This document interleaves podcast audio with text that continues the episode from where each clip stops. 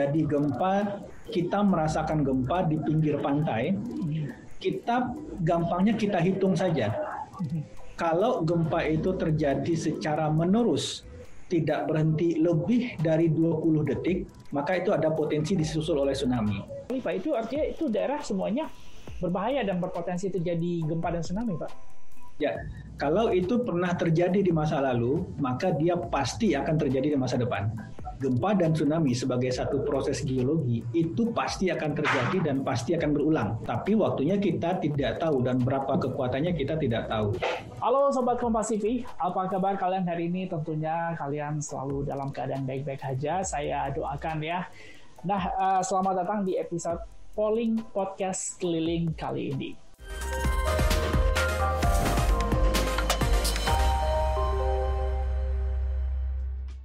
Di episode polling kali ini, kita akan membahas hal yang kemarin sempat menjadi trending di media sosial.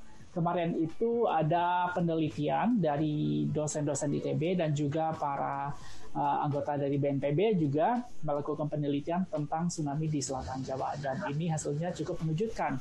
Ada potensi terjadinya tsunami setinggi 20 meter di selatan Jawa. Karena kita tahu juga Indonesia merupakan negara kepulauan yang letak geografisnya dikelilingi oleh lempeng yang terus bergerak. Misalnya sebut saja lempeng Indo-Australia, lempeng Eurasia, dan juga lempeng Pasifik. Nah, akibat dari pergerakan lempeng tersebut, ada potensi gempa di sana. Tidak hanya gempa, letusan gunung berapi hingga tsunami pun juga bisa jadi uh, terpicu. Nah, beberapa waktu yang lalu hasil ini sempat dipublikasikan oleh eh, ITB dan juga BNPB uh, di mana uh, hasil penelitian ini mengatakan bahwasanya ada potensi terjadinya tsunami setinggi 20 meter. Nah, untuk mengetahui seperti apa hasil penelitiannya dan apa sih sebenarnya yang harus kita lakukan, apakah kita harus khawatir ataupun waspada atau kita harus tahu mitigasinya seperti apa. Nah, kali ini saya akan uh, undang salah seorang narasumber yang kemarin juga menjadi ahli tsunami dalam penelitian tersebut.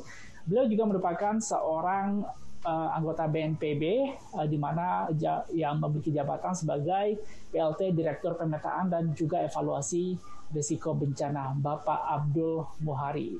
Assalamualaikum Pak Abdul. Waalaikumsalam Mas. Ya, selamat uh, sore Pak, sehat Pak? Ya, sehat-sehat. Sore. Pak, ini kemarin uh, ini saya langsung aja nih Pak. Kemarin kan Bapak katanya sempat melakukan penelitian, katanya uh, ada potensi terjadinya tsunami setinggi 20 meter di Pulau Jawa, di selatan Pulau Jawa. Ini Anda bisa me, uh, berkesimpulan seperti ini uh, berdasarkan apa, Pak? Ya, uh, sebelumnya uh, saya sampaikan bahwa penelitian ini dikepalai oleh Profesor Sri Widiantoro, Profesor Ilmu Kebumian, Ilmu Teknologi. Uh, Mineral di ITB. Uh, terlibat di dalamnya selain uh, para dosen ITB juga kami dari BNPB, dari BMKG dan juga ada dari private sector juga. Hmm. Jadi ini kolaborasi penelitian yang luar biasa dari semua sektor sehingga uh, kita berharap uh, bencana ini memang jadi urusan bersama. Poinnya di situ. Nah, uh, terkait dengan uh, riset ini uh, dasarnya uh, apa motivasinya adalah uh, ada beragam uh, informasi yang selama ini beredar tentang potensi tsunami megatrust di selatan Jawa.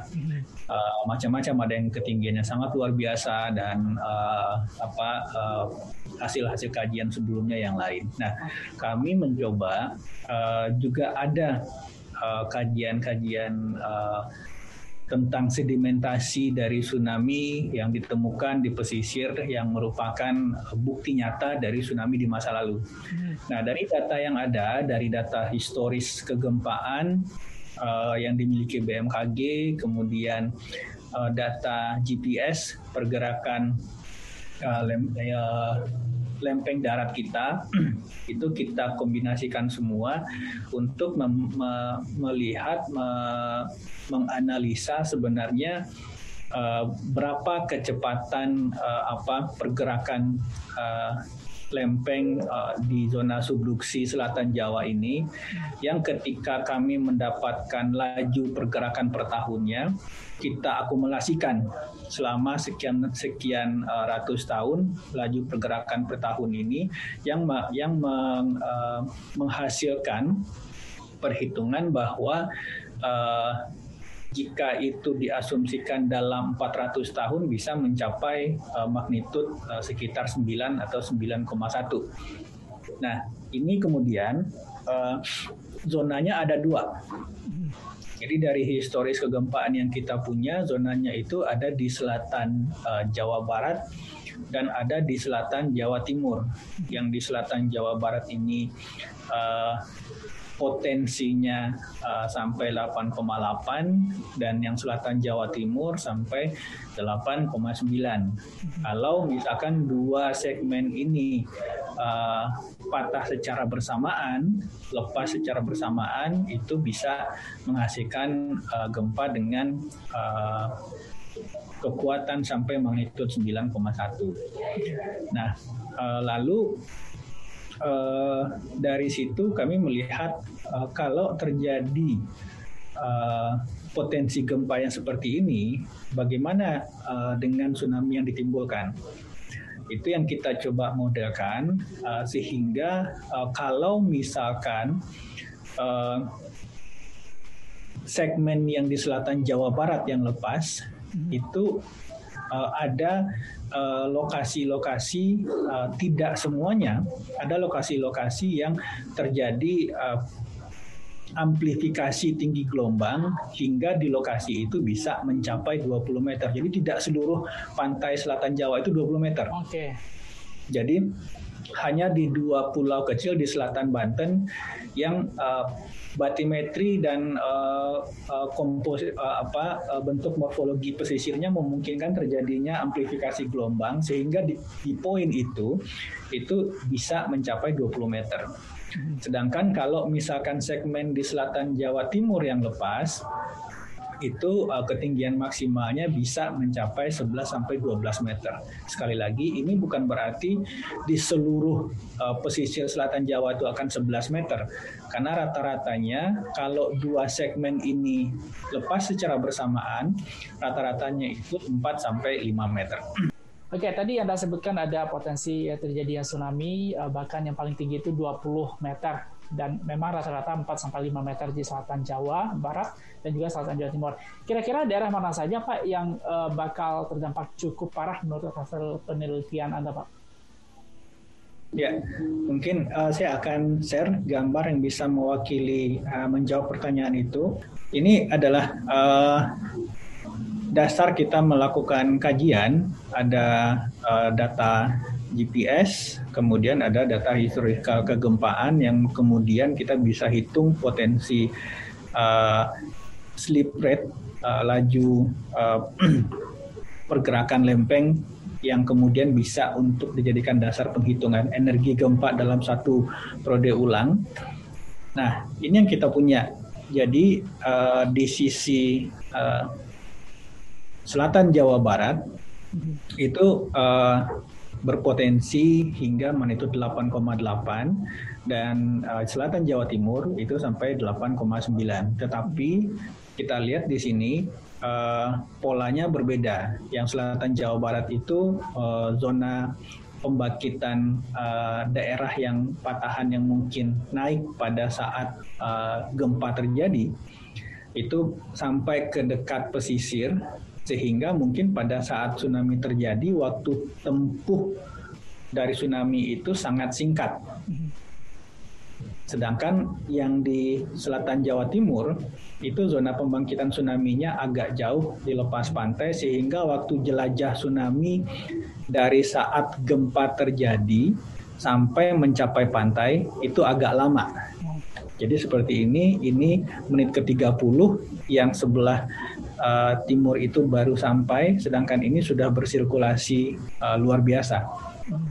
Itu uh, setengah jam setelah terjadi gempa. Iya, okay. ini satu jam setelah terjadinya gempa, satu setengah jam setelah terjadinya gempa.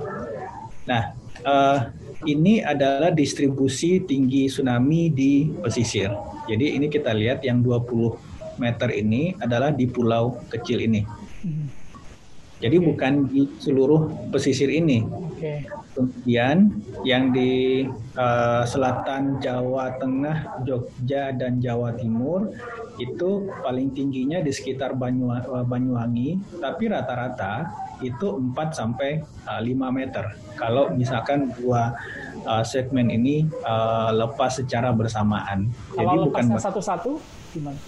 Kalau lepasnya satu-satu ini uh, yang di uh, apa uh, tinggi maksimum ini uh, tidak akan berubah, tapi rata tinggi tsunami yang di sepanjang pantainya yang berubah. Lebih Jadi kalau Ya, Lebih. karena okay. itu cuma satu satu segmen.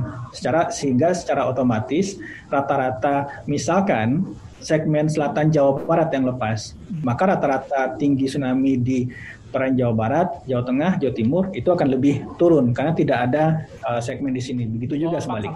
Eh, di bawah 4 dan 5 meter tadi. Ya.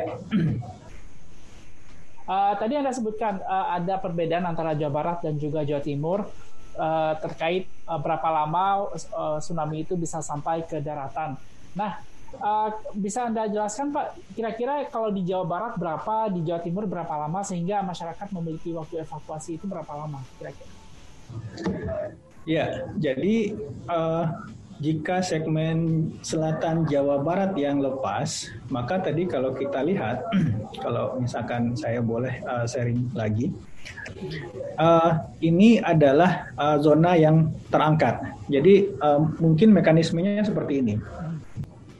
Ya, ini adalah zona tumbukan lempeng di selatan Jawa, yang mana uh, lempeng samudra itu uh, bergerak masuk ke ke bawah lempeng samudra uh, ini Eurasia, ini Indo Australia, yang pada saat tertentu ketika lempeng itu sudah tidak mampu menahan karena ini bergesekan, dia akan lepas. Okay. Nah, proses lepasnya itu yang kemudian membangkitkan tsunami. Oke, okay, itu berarti jadi, prosesnya. Okay. Ya, jadi ketika si lempeng samudra ini lepas ke atas, maka yang terjadi itu ada bagian segmen dengan geometri, ukuran geometri tertentu di bawah laut yang terangkat. Nah, pengangkatan secara secara eh, tiba-tiba dalam luasan yang sangat besar ini yang kemudian mendistrak mengangkat masa air di atasnya. Jadi kalau kita visualisasikan ini segmen yang terangkat, dia akan mendorong, mendesak air di atasnya sehingga air ini yang kemudian seperti halnya kita memasukkan tangan ke bak mandi terus kita gerakkan ke atas seperti itu airnya akan beriak. Nah seperti itulah kira-kira uh, analogi dari uh, pembangkitan tsunami. Oke. Okay. Nah kalau misalkan kita asumsikan ini adalah garis pantai, maka waktu tempuh tsunami dari uh, saat terjadinya gempa hmm sampai tsunami ini mencapai garis pantai itu akan sangat tergantung dari seberapa jauh zona pembangkitan ini dari garis pantai. Hmm. Kalau di Jawa Barat tadi berapa lama kira-kira? Nah, kalau di Jawa Barat tadi itu ada uh, sebagian dari geometri uh, lokasi pembang, uh, uh, rupture itu lokasi pembangkit gempa itu yang sangat dekat dengan pantai hmm. sehingga di beberapa tempat ada kondisi-kondisi uh, uh, yang kalau yang kalau memang seperti ini kejadiannya, skenario nya itu tsunami bisa sampai di darat itu dalam waktu 5 sampai 10 menit. 5 sampai 10 menit Jawa Barat. Kalau Jawa Timur apa? Kalau di Jawa Timur karena tadi kita lihat jaraknya cukup jauh ke lepas pantai zona pembangkitannya itu bisa sampai dari 25 sampai 45 menit. 25 Tetapi sampai... 45 menit dengan kondisi bahwa skenario-nya seperti ini. Jadi ini tidak berlaku umum. Jadi tidak semua nanti gempa yang menimbulkan tsunami di Jawa Barat misalkan akan memiliki waktu tempuh 5 sampai 10 menit, tidak begitu.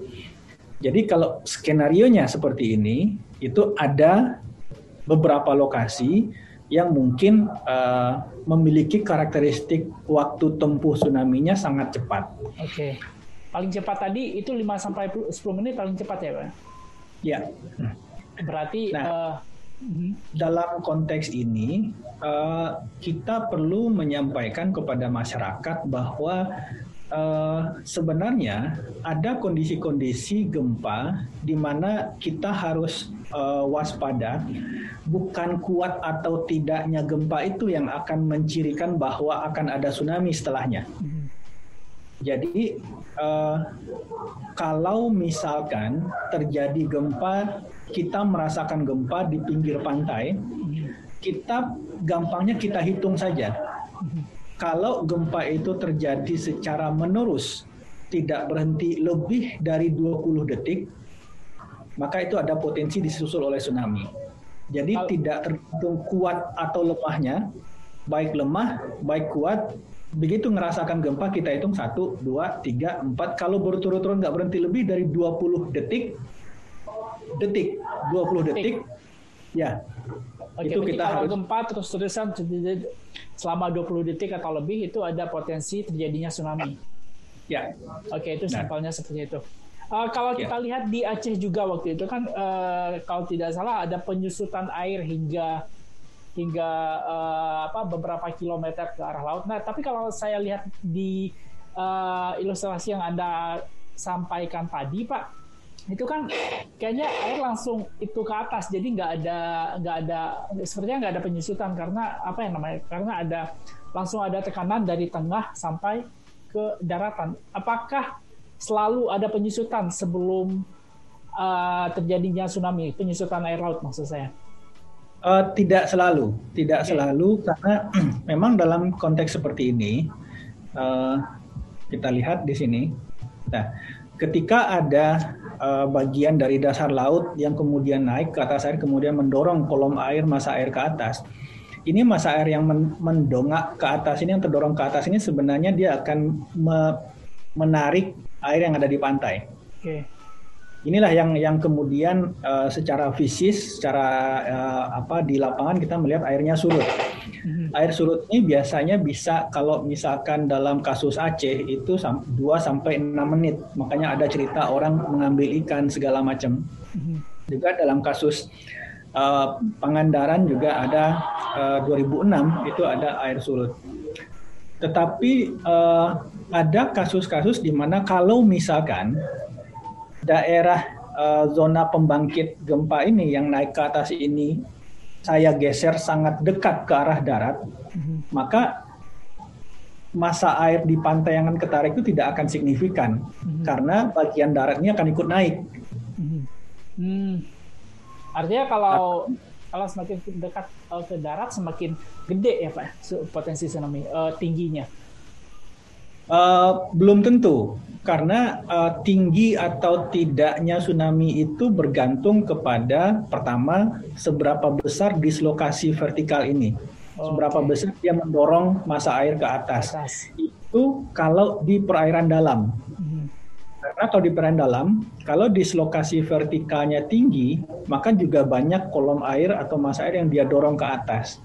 Tapi kalau zona pembangkitan ini sampai ke pantai, di pantai itu kan kedalamannya tidak terlalu besar. Sehingga kalau didorong ke atas, itu masa air yang ter, yang terdorong itu juga tidak terlalu signifikan. Oke. Okay. Uh, Pak, uh, saya mau tanya apakah gem uh, apakah tsunami ini selalu dipicu oleh gempa? Uh, kita punya dua kejadian uh, tsunami tahun 2018 yang tidak dibangkitkan oleh gempa. Mm-hmm. Pertama itu adalah gempa Palu, uh, kemudian uh, gempa uh, uh, uh, tsunami di Teluk Palu, mm-hmm. kemudian yang kedua tsunami di Selat Sunda. Mm-hmm. Uh, tsunami di Teluk Palu memang uh, pemicunya gempa, mm-hmm. tapi pembangkit tsunami-nya bukan gempa. Oke. Okay. Jadi gempa yang sangat kuat ini kemudian memicu longsoran di pinggir pantai sehingga longsoran ini yang kemudian uh, masuk ke badan air menjadikan uh, badan air ini beriak menciptakan gelombang. Oke. Okay. Itu tsunami yang disebut longsoran. Mm-hmm. Sama halnya dengan uh, tsunami di Krakatau. Oke, okay, gunung berapi berarti. Ya. Landslide. Ya. Jadi ada bagian dari Krakatau yang uh, longsor ke bawah masuk ke badan air itu yang kemudian uh, membuat uh, tsunami uh, yang sangat luar biasa. Oke, berarti artinya Anda menyebutkan potensi terjadinya tsunami itu bukan hanya dari uh, pergerakan lempeng, tetapi juga ada aktivitas-aktivitas uh, uh, lain di dasar laut, misal seperti tadi yang Anda sebutkan vulkanik, di aktivitas vulkanik di uh, Selat Sunda begitu Pak. Ya. Ya, selain itu ada lagi potensi lainnya Pak yang menyebabkan tsunami Pak? Uh, sebenarnya ada beberapa, cuman kejadiannya sangat uh, sangat jarang ya. Uh, ada tsunami akibat uh, jatuhan uh, meteor mm-hmm. seperti yang terjadi di uh, Yucatan Peninsula pada pada masa uh, dinosaurus dulu, okay. yang kemudian uh, bangkitkan tsunami yang sangat tinggi yang diduga juga salah satu penyebab dari uh, punahnya uh, dinosaurus waktu itu. Oke. Okay. Artinya kalau saya simpulkan, kalau bisa saya simpulkan, tsunami itu terjadi apabila ada sesuatu hal kejadian yang menyebabkan uh, terjadinya uh, pergerakan air yang berada di dasar laut yang menyebabkan air tersebut uh, menjadi tidak teratur sehingga menyebabkan terjadi gelombang dan sampai ke daratan. Begitu Pak kira-kira Pak? Iya, uh, jadi uh, sebenarnya uh, yang kalau secara uh, ilmiahnya uh, tsunami itu adalah rangkaian gelombang yang yang diakibatkan uh, oleh yang dibangkitkan oleh peristiwa geologi dan vulkanologi. Uh, jadi bisa peristiwa geologi itu macam-macam ada gempa, ada apa, ada longsor bawah laut dan lain-lain. Tapi pada intinya itu rangkaian gelombang yang dia, yang uh, dibangkitkan oleh uh, peristiwa geologi dan vulkanologi. Oke, berarti kalau untuk Selatan Jawa ini, kalau kita berbicara Selatan Jawa tadi, kasusnya yang paling dekat, yang paling memungkinkan adalah berdasarkan data geologinya adalah uh, pergerakan lempeng yang ada di Selatan Jawa, gitu Pak. Ya. Oke. Nah, uh, tadi Anda sempat menyebutkan juga Pak, uh, saya pengen balik ulang lagi ke soal uh, bagaimana cara kita mengetahui uh, potensi terjadinya tsunami di selatan Jawa. Tadi Anda menyebutkan ada kalau seandainya gempa itu terjadi lebih dari 20 second atau 20 detik itu artinya ada potensi terjadinya tsunami. Ada ciri-ciri uh, lain Pak untuk uh, mengetahui? Uh, karena uh, kita uh, berhadapan dengan kondisi ketidakpastian dari pembangkitan gempa yang bisa menimbulkan tsunami ini, maka uh, sebenarnya warning apa uh, tanda-tanda alam ini yang bisa uh, menjadi uh, apa uh, pengingat kesiapsiagaan kita sebenarnya. Jadi uh, kenapa tadi saya tekankan uh, ketika kita sedang ada di pesisir, kemudian merasakan uh, gempa yang uh, baik itu lemah atau kuat, jangan menunggu uh, warning dari pemerintah dulu, jangan menunggu perintah evakuasi dulu, karena mungkin uh, kondisinya belum semuanya uh, kok pantai-pantai yang rawan tsunami di Indonesia itu dilengkapi oleh sirine atau tidak semua masyarakat bisa menerima warning BMKG misalkan saat liburan tidak bawa HP atau belum menginstal aplikasi uh, warning segala macam.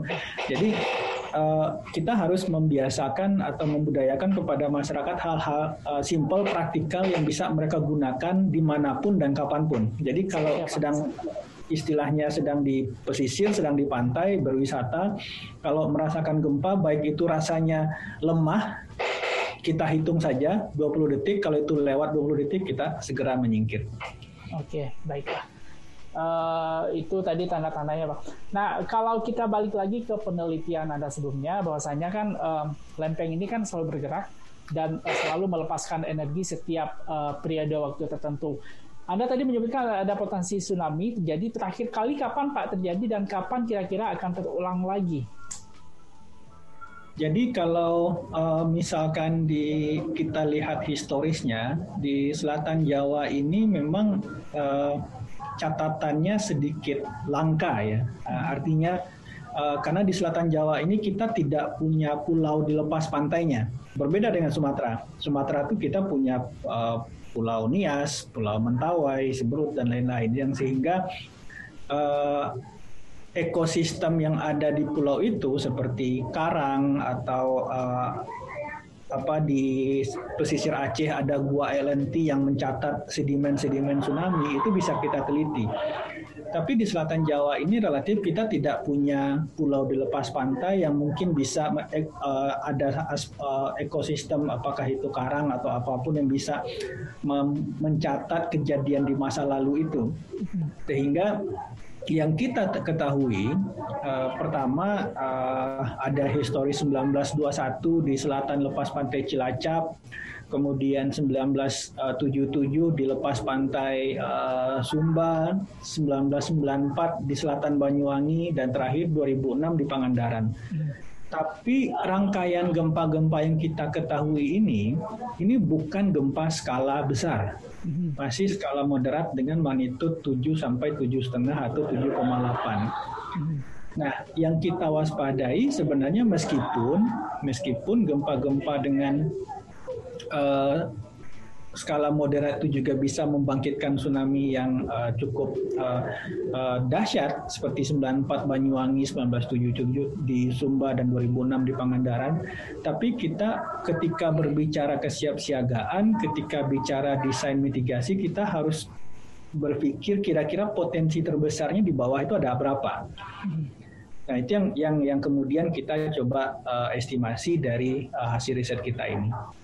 Uh, jadi uh, Anda bilang ada potensi terjadinya tsunami uh, kembali di selatan Jawa. Nah kita tahu bahwasanya ini memang aktivitas alam di mana alam melepaskan energi dan itu menyebabkan uh, terjadinya tsunami dan aktivitas ini kembali terjadi di setiap periode waktu. Nah kira-kira yang paling dekat dalam penelitian Anda itu kira-kira kapan akan terjadi lagi Pak kira-kira menurut penelitian yang sudah Anda lakukan?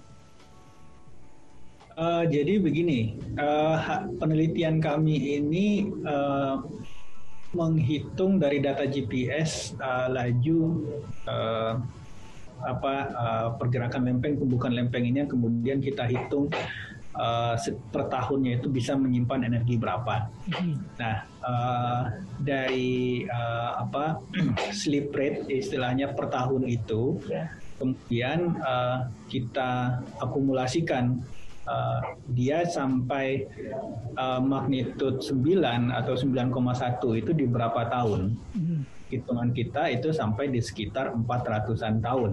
400 tahun dari uh, sekarang apa dari dari kita tahu kita tidak tahu. Nah itu yang kuncinya di situ karena uh, kita tidak punya catatan sejarah di masa lalu yang sangat lengkap. Hmm. Jadi kita tidak bisa menebak uh, eh, 400 tahunnya itu dulu terakhir terjadinya kapan. Mm-hmm. Jadi uh, ini yang mungkin perlu uh, dipahami oleh masyarakat bahwa uh, kita saat ini hasil penelitian ini hanya bisa memprediksi bahwa the, dengan uh, sleep rate yang kita hitung dari data GPS itu itu bisa kemudian mengumpulkan energi hingga magnitude 9 uh, 9,1 itu dalam 400 tahun. 400 Tapi tahun. Kapan, kapan terjadinya uh, yang lalu itu dengan magnitud sebesar itu atau dengan kelas uh, besar gempa sebesar itu kita uh, Belum tidak ada punya data sampai saat ini. Hmm, ya. Oke. Okay. Berarti artinya kita tetap harus waspada ya Pak meskipun kita nggak tahu kapan itu uh, potensi terjadinya uh, tsunami itu. Ya, tentu kalau kewaspadaan tentu harus kita bangun dari sekarang karena itu adalah budaya ya. Uh, Jepang itu bisa bisa membentuk budaya uh, apa uh, sigap atau langsung evakuasi ketika setelah merasakan gempa ketika ada di pantai itu juga butuh waktu yang kemudian membangun budaya seperti itu. Hmm.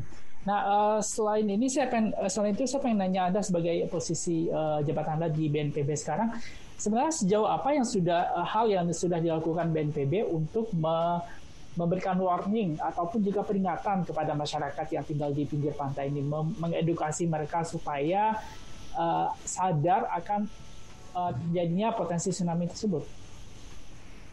Uh, kalau untuk memberikan warning gempa, itu uh, kewenangannya ada di BMKG, bukan di BNPB. Jadi kami di BNPB itu mitigasinya memberikan maksud saya mitigasi.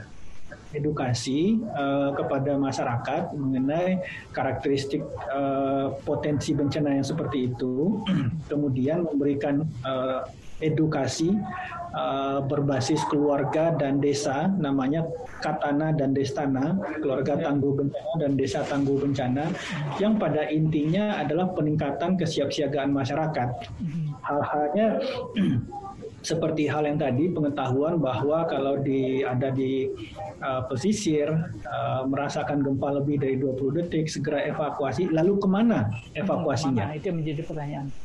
Ini yang kemudian kita juga memfasilitasi. Jadi hasil riset ini akan menjadi dasar uh, pemetaan potensi risiko uh, bencana tsunami tingkat desa yang akan dilakukan oleh BNPB mulai tahun depan sampai tahun 2024. Ini tidak hanya di Selatan Jawa, tapi di seluruh Indonesia. Jadi kita Uh, hasil-hasil riset yang uh, sudah uh, publish di jurnal internasional yang sudah memiliki dasar justifikasi sains yang kuat seperti ini akan langsung kita ambil menjadi kebijakan sehingga kita benar-benar bisa menjembatani hasil riset dengan kebijakan. Jadi ke depan kita tidak lagi terjadi event lalu ada lo itu kan sudah ada di riset tapi tidak di, diambil yeah. sebagai nah itu uh. itu yang, yang yang sekarang kita di BNPB memang uh, berupaya uh, scientific based policy. Oh. Jadi hasil kajian kita adopt langsung langsung ke pemetaan risiko karena kebetulan saya adalah PLT Direktur Pemetaan Risiko hmm. untuk memetakan uh, potensi-potensi risiko dan upaya mitigasinya tidak hanya skala uh, regional, tidak hanya skala nasional, tapi skala desa. Skala. Jadi okay. sangat detail. Sangat detail ya. Oke. Okay. Berarti artinya uh, seluruh uh, stakeholder di pedesaan itu mereka dikasih uh, sudah diedukasi ya untuk uh, memberikan edukasi juga kepada masyarakat berjalan akan akan terus kita lakukan karena tahun 2018 Uh, sorry, 2019 BNPB melakukan ekspedisi uh, Destana di selatan Jawa, mulai dari uh, Banyuwangi di timur sampai ke Anyar di barat. Kita jelajahi desa-desa itu, kemudian mengidentifikasi uh, tempat evakuasi sementara, memberikan edukasi kepada masyarakat berbasis kearifan lokal. Okay. Karena kadang-kadang uh, masyarakat itu lebih tahu uh, daripada kita yang tidak ada di sana tentang karifan-karifan lokal yang mungkin sudah diceritakan oleh apakah itu orang tua mereka, apakah itu kakek buyut mereka yang dulu mungkin mungkin punya pengalaman tentang itu. Jadi itu juga kita gali, beranjak dari situ kita bangun kembali uh, literasinya sehingga menjadi uh, narasi edukasinya itu adalah narasi-narasi yang bisa dipahami oleh masyarakat lokal. Oke, baiklah kalau kayak gitu supaya uh, apa pesannya juga sampai kepada masyarakat lokal. Jadi Anda melibatkan stakeholder stakeholder di uh, tempat tertentu, di desa tertentu untuk juga turun langsung ke lapangan. Nah, yeah. kita harapkan ini uh, memang uh, jadi apa ya namanya?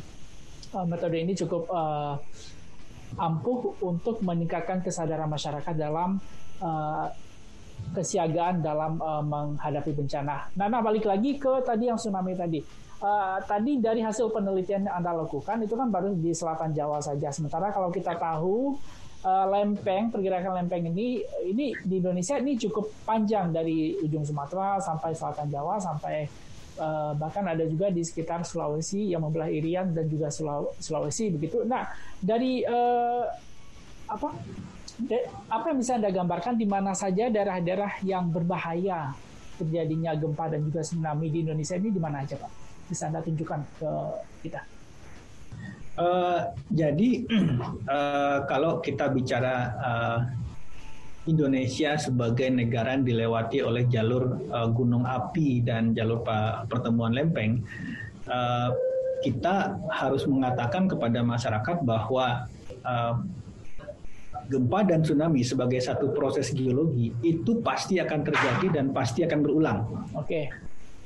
Tapi waktunya kita tidak tahu dan berapa kekuatannya kita tidak tahu. Jadi seperti gambar uh, di belakang saya ini, ini adalah historis gempa-gempa yang ber, uh, yang menimbulkan tsunami di masa lalu. Yang, yang ada titik kita, merah, titik merah itu pak ya? Ya. ya. Okay. Di masa lalu yang kemudian kita coba uh, mappingkan juga, kita coba uh, cari historisnya, kita cari catatan sejarahnya yang uh, sangat banyak dibuat pada zaman Belanda dengan sangat detail. Ini kita coba uh, runut ulang satu persatu sehingga cerita-cerita di satu tempat itu bisa kita gabungkan menjadi satu informasi yang utuh. Okay. Jadi artinya kalau saya lihat itu banyak sekali titik uh, merah yang membentang dari utara Sumatera, kemudian terus ke selatan, Jawa dan Sulawesi dan itu banyak sekali Pak. Itu artinya itu daerah semuanya berbahaya dan berpotensi terjadi gempa dan tsunami Pak. Ya, kalau itu pernah terjadi di masa lalu, maka dia pasti akan terjadi di masa depan. Itu prinsipnya seperti itu. Jadi ini yang perlu kita sampaikan kepada masyarakat sehingga kalau kemudian dalam uh, waktu-waktu ke depan uh, ada lagi uh, rilis satu penelitian tentang potensi gempa megatrust berpotensi tsunami di tempat lain, itu sebenarnya bukan bukan hal yang baru saja ditemukan dan bukan akan segera terjadi segera setelah paper itu dipublish. Di, di, di ini sudah merupakan sirkulasi sirkulasi apa uh, satu siklus geologi yang yang uh, secara naturalnya seperti itu dan pernah terjadi di masa lalu dan kemudian pasti akan berulang terjadi lagi. Nah ini yang menarik juga Pak. Ini kan yang baru kita bahas tadi kan uh, baru sekedar um, pertemuan lempeng yang ada di sekitar laut ya. Ini uh, itu artinya itu adalah uh, bencana yang uh, terjadi yang dipicu oleh aktivitas tektonik di dasar laut.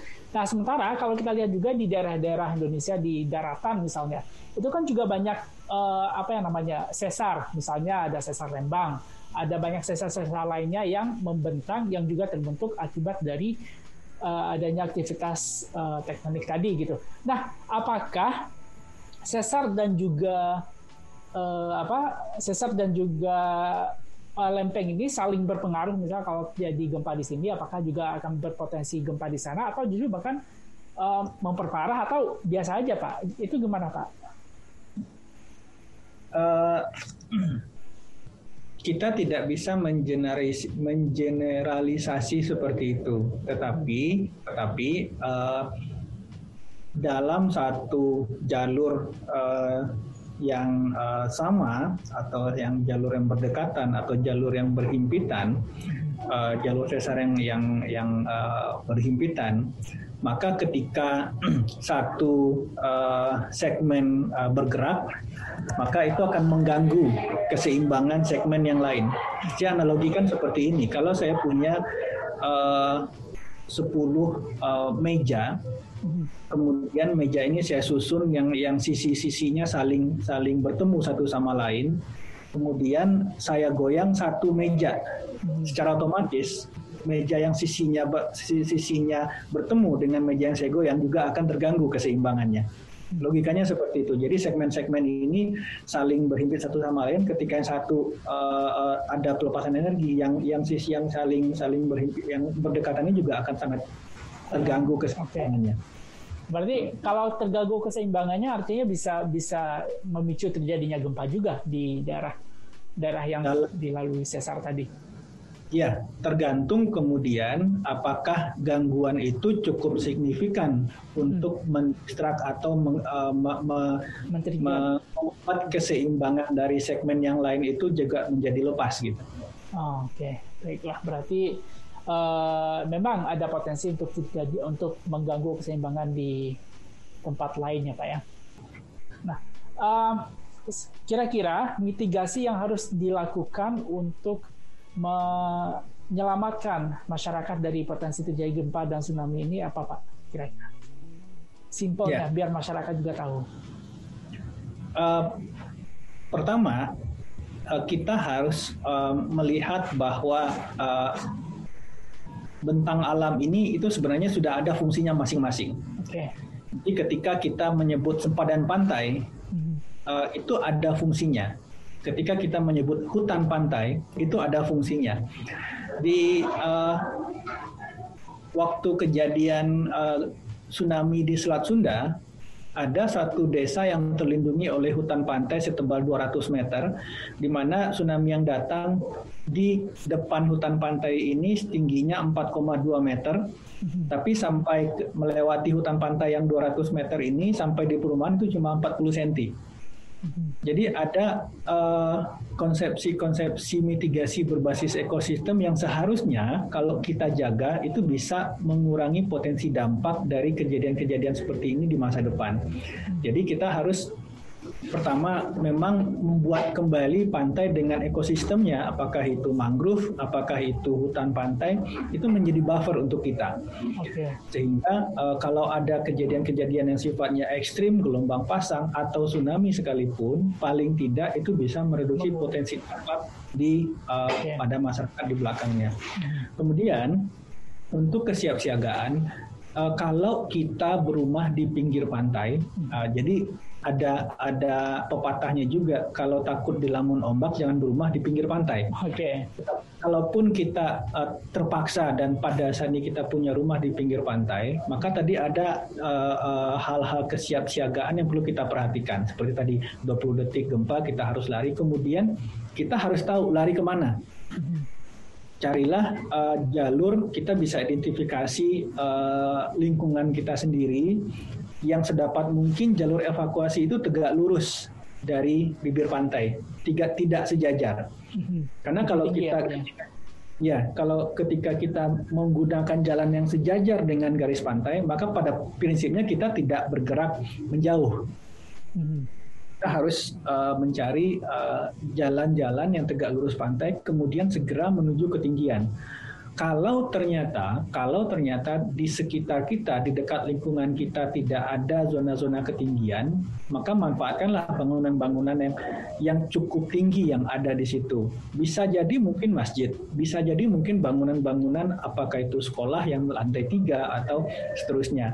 Tetapi perlu kita pastikan kekuatan bangunan tersebut terhadap gempa jadi ini mungkin uh, hal-hal kesiapsiagaan berbasis uh, masyarakat dan hal yang penting sebenarnya uh, ketika gempa ini bisa terjadi pagi, siang, sore atau malam. Nah, uh, kalau gempanya terjadi siang, uh, kita sedang di luar rumah saat gempa rumah rubuh, kita bisa lari. Tapi kalau misalkan gempanya terjadi malam, Oh, akan sangat susah untuk kita ketika rumah ternyata tidak tahan gempa rubuh kita nggak bisa nggak bisa evakuasi. Nah itu sangat penting juga untuk uh, kita uh, mulai memperhatikan kira-kira rumah kita ini uh, kekuatannya terhadap gempa seperti apa.